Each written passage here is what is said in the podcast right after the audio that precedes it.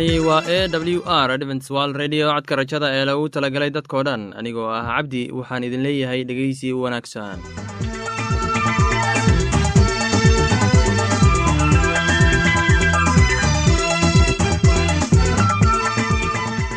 barnaamijyadeena maanta waa laba qaybood. Qaybta koowaad waxaad ku maqli doontaan barnaamijka caafimaadka kadib waxaa inoo raaci doonaa cashar inaga imid bogga nolosha. Barnaamijyadeena maanta si wanaagsan u dhegeysan doontaan haddii aad qabto wax su'aal ama tala. Iyo tusaale fadlan inala soo xiriir dib ayaynu kaga sheegi doonaa ciwaankayagu balse intaynan u guudagelin barnaamijyadeena xiisaa leh waxaad marka hore ku soo dhowaataan. Heestan daabacsan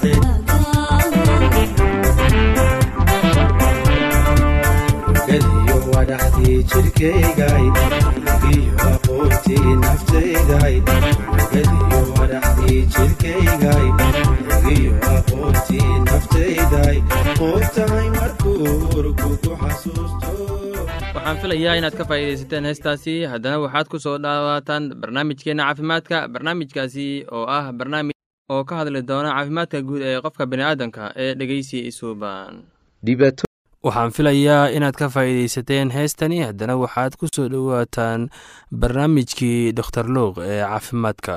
Waa maxay? Doktor luuq wuxuu ka leeyahay wax ku saabsan kolestarolka tani wuxuu fuulay jaraanjarada shaqadiisa markii uu la filayey inuu bilaabo neeftiisa neefta markay ku dhacday gebiyo uu yeeshay xanuun xabadka ah sida labada oo kale wuxuu guud ahaan fuuli jiray jaraanjarooyinka had iyo jeer neef yari awadeed.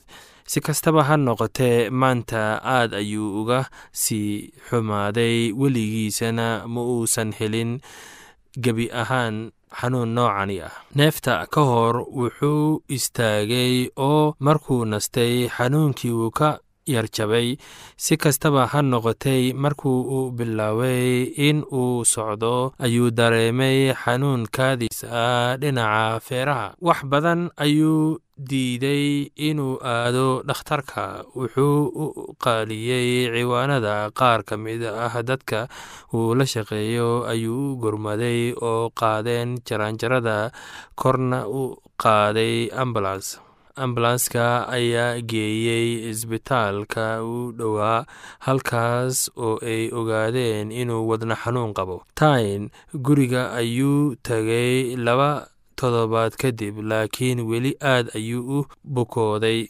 Intii lagu jiray isbitaalka dhakhtartu waxay sameeyeen baaritaano dhiig badan. Midkooda wuxuu ahaa kolestaroolka aad ugu badan jirkiisa dhakhtartu waxay u sheegeen tani inay ahayd mid ka mid ah ee saabooyinka waaweyn inuu qalbi qabo weerar. Tain weligeed ma maqlin kolestaroolka muxuu ahaa dhiigga kolestaroolka ku badan dad badan oo dunida ku nool ayaa u dhinteen wadna istaaga wadna xanuunka waxaa sababa arrimo badan. Si kastaba ha noqotee sababta ugu weyn ayaa laga yaabaa inay leedahay kolestaroolka sare. Waa maxay kolestaroolku? Kolestaroolku waa duufaanka ay beerkeennu sameeyo iyo tan aan cunno. Marka laga reebo xaaladaha haddii socdaalka ee aad dhiif ah u ah sababta keentay sida kale waa kolestaroolka sare. Waxay la xiriirtaa cunnoxumo aad u badan taas oo ay ku badan tahay kolestaroolka ku jirta. Waxaa muhiim ah in kolestaroolka waxaa muhiim ah kolestaroolku waa inay yeelato wax badan oo waxyaalo ku leh. Waxaa si dheer dhibaatadan ugu weyn wadna qaadajyada ama wadna xanuunka badan ayaa leh borotiin aad u yar oo kolestaroolka aad u yar. Sidee bay tayni u badatay? Kolestaroolka dhiigga. Marka hore beerkiisa ayuu saameeyey. Dhammaan kuwa nool ayaa saameeya kolestaroolka tani waa howl aad u adag. Jirka ayaa isticmaala kolestarool maalin weliba sida qayb ka mid ah dhismaha jirkeenna. Marka waxaan u baahannahay kolestarola waxaa loo isticmaalaa si looga sameeyo kemikooyinka jirka ku jira oo loo sameeyo derbiyada cunugyada yaryar xaqiiqdii iyada oo aan jirin kolestaroolka jirkeenna ma ahaan lahayn derbiyada cunugyada sababtoo ah kolestaroolku waa shayga ugu weyn ee derbiyada qolka. Miyaynan la yaab lahayn sida uu eebbe u abuuray jirkeennu si fiican in isagu abuuray nooc oo kale oo jilicsan inuu dheelitirin in wax aad u wanaagsan ay xumaan karaan. Taasi waa sida kolestaroolka loo arki karo. Kitaabka wuxuu leeyahay sida ayuu kaga hadlayaa. Marka la yidhaahdo adiga ayaan uumay abuurkayga waad iga duduubteen aniga hooyada uurka leh. Waan kugu mahadnaqayaa maxaa yeelay cabsi iyo yaab ayaa jirkayga la iga sameeyey shuqulladaadu waa yaa badan yihiin aniga si fiican u ogow jirkayga kama qarsoonayn markii la igu sameeyey meeshan qarsoon. Marka waxaa lagu sharaxay moolka dhulka indhahaygu waxay arkeen jirkayga aan dhammaystirnayn maalmahan oo dhan. Waxaa lagu qoray kitaabadada.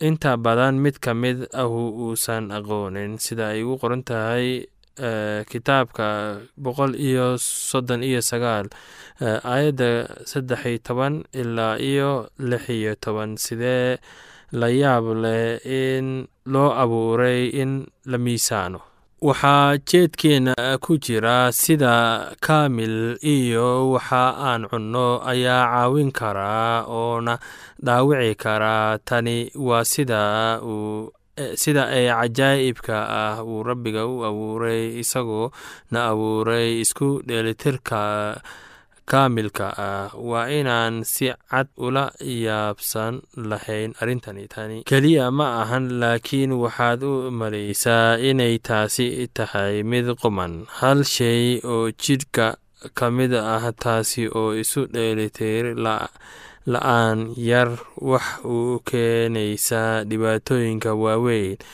Maxaad u malaynaysaa in rabbiga wuxuu u abuuray waxyaabaha inay ahaadaan isku dheelitiritaanka.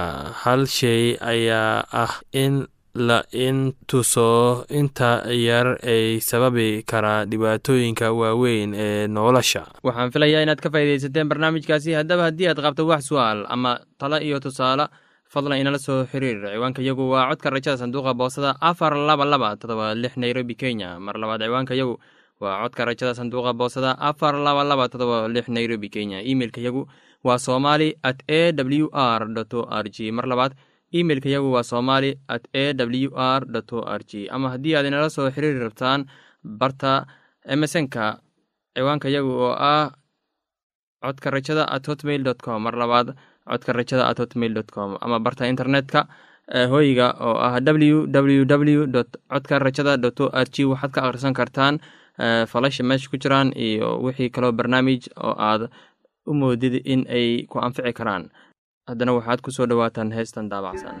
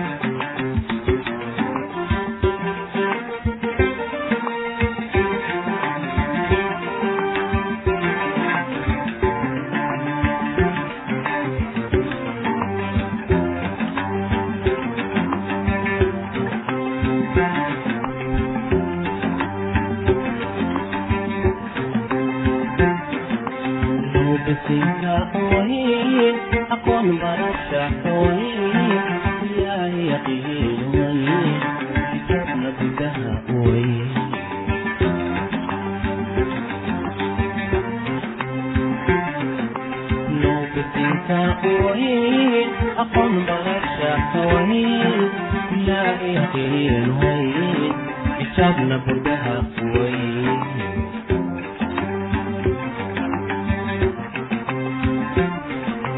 سيدة ضرباتها شحين بيريبا سيدة حين سيدة حين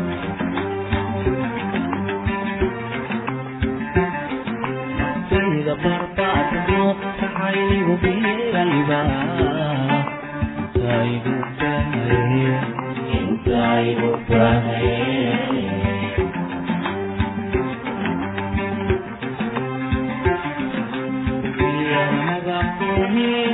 ونها بهول وكوي عشق بين بين قوين وكان حالك عليك هوين بيتك يا ذا قوين بيتك يا ذا قوين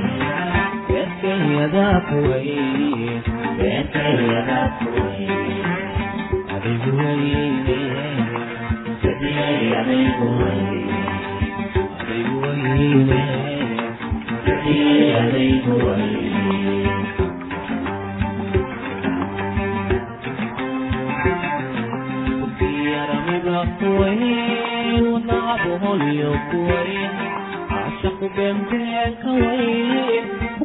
alkamistooyin yada kuwaye yada kuwaye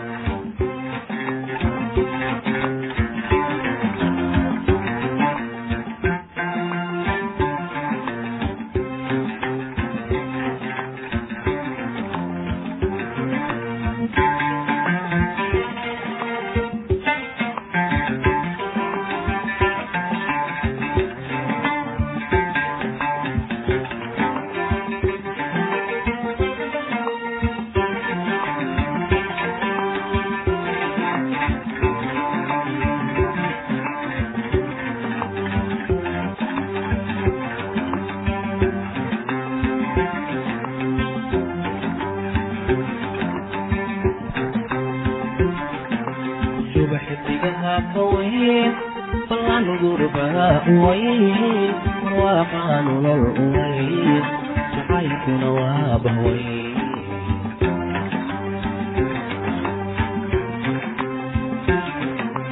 subaxdigaha kaway waxaan gurbaha uway waxaan lol uway jacaylkuna waabaway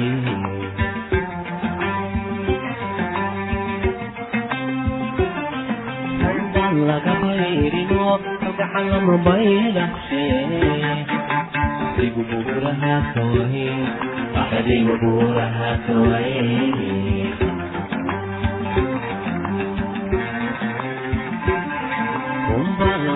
bayrino gacan lama baylahe adigu buraha kawaye adigu buraha kawaye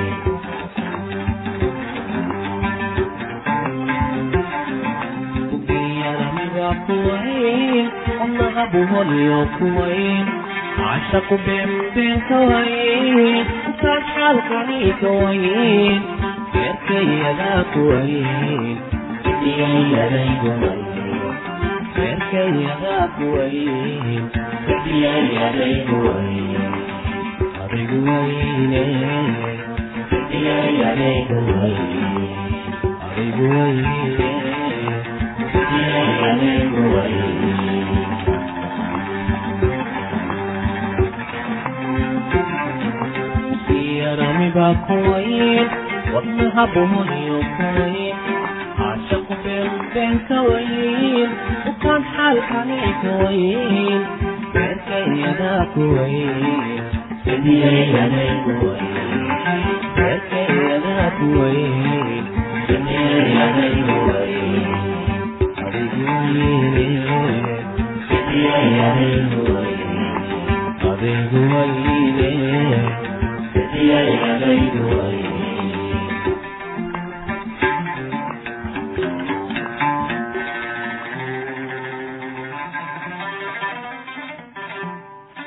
waxaan filayaa inaad ka faa'iidaysateen heestaasi. Haddana waxaad ku soo dhowaataan barnaamijkeenna kitaabka quduuska. Barnaamijkaasi waa barnaamij ee ku saabsan ereyada xikmada badan oo aan ka soo xulanay kitaabka quduuska ee dhegeysi wanaagsan. Walaalayaal maantana waxaynu ka hadli doonnaa qisadii nebi nuux.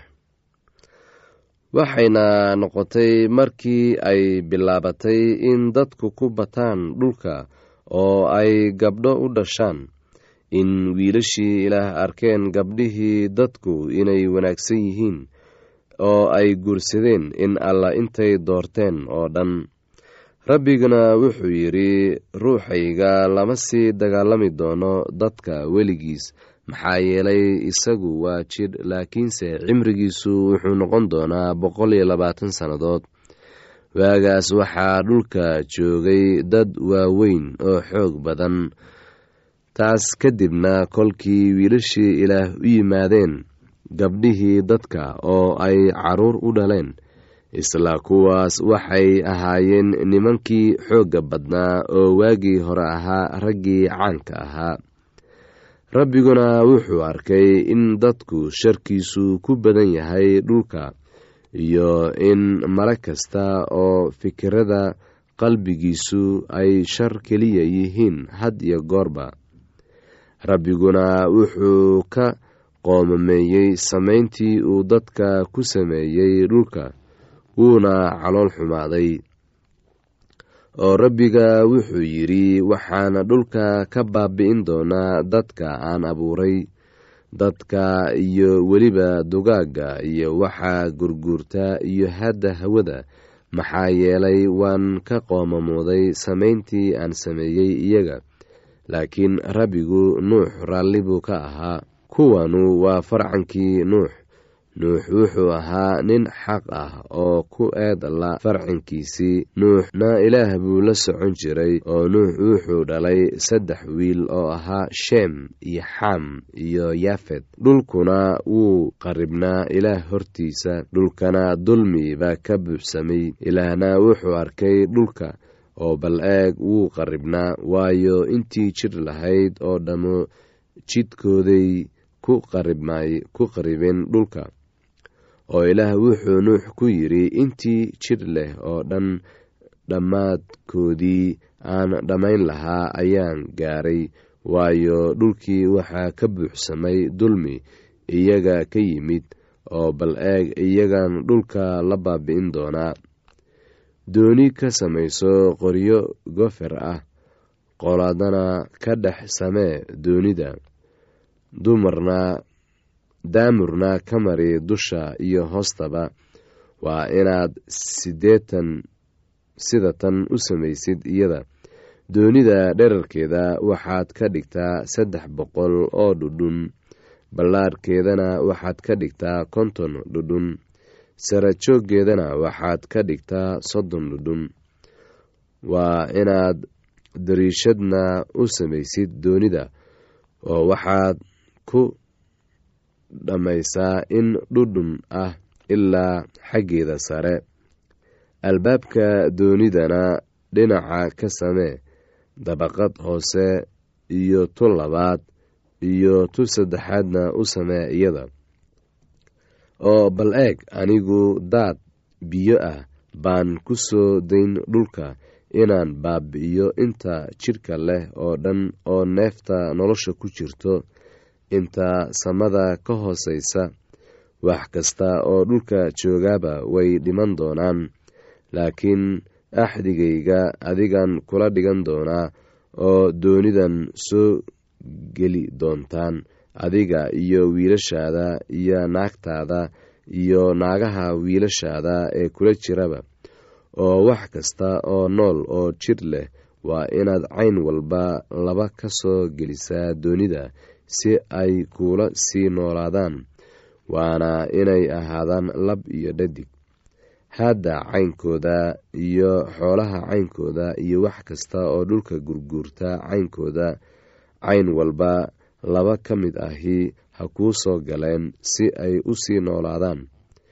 Cuntada la cuno oo dhanna qaado oo kulligeed ururso oo waxay idiin noqon doontaa cunto adiga iyo iyagaba sidaasuu nuux sameeyey wax kasta sidii ilaah ugu amray buu u sameeyey.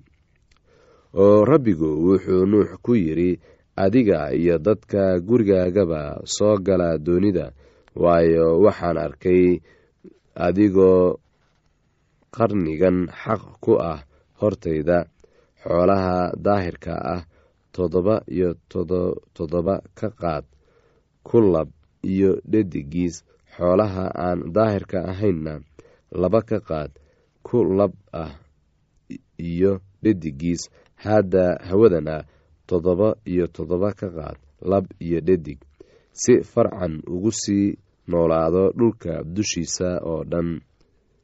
Waayo waxaa weli haray toddoba maalmood dabadeedna afartan maalmood iyo afartan habeen ayaan roob ku soo dayn dhulka oo wax kasta oo nool oo aan sameeyey waan ka baaba-in doonaa dhulka dushiisa.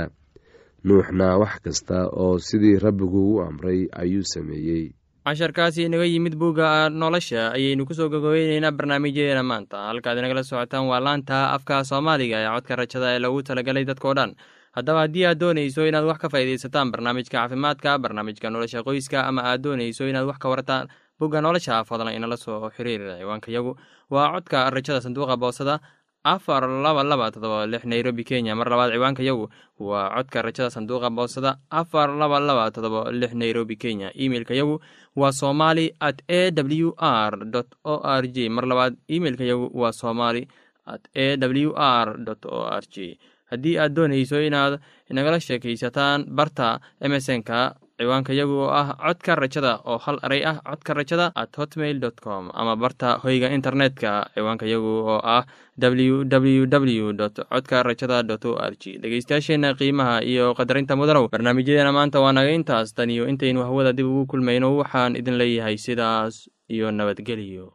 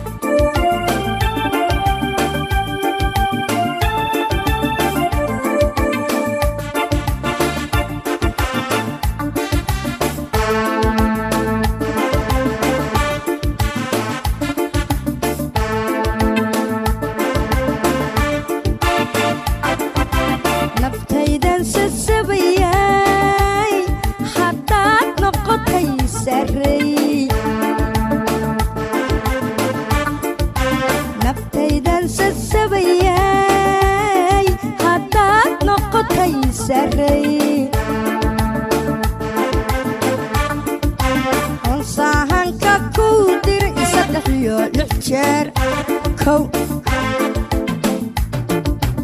olsahanka kuu dhiro i saddex iyo lix jeer kow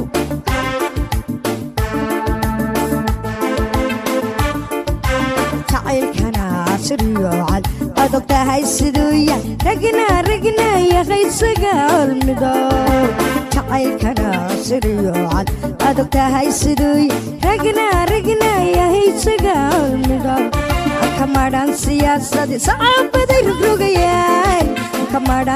sacaabaday rogrogayaan adna suga ku nushahay ku saxaaxan aasaqay sidaad yeelaragnayaqay sagaal midab jacaylkana siriyoocan adag tahay siduu ragna ragnayaqay sagaal midab kamadhaan siyaasadi sacaabaday rogrogayaan kamadhaan siyaasa sacaabaday rogrogayaan adna suga ku nushahay ku saxaaxan caasaqay sidaad yeeli doontaa adna suga ku nushahay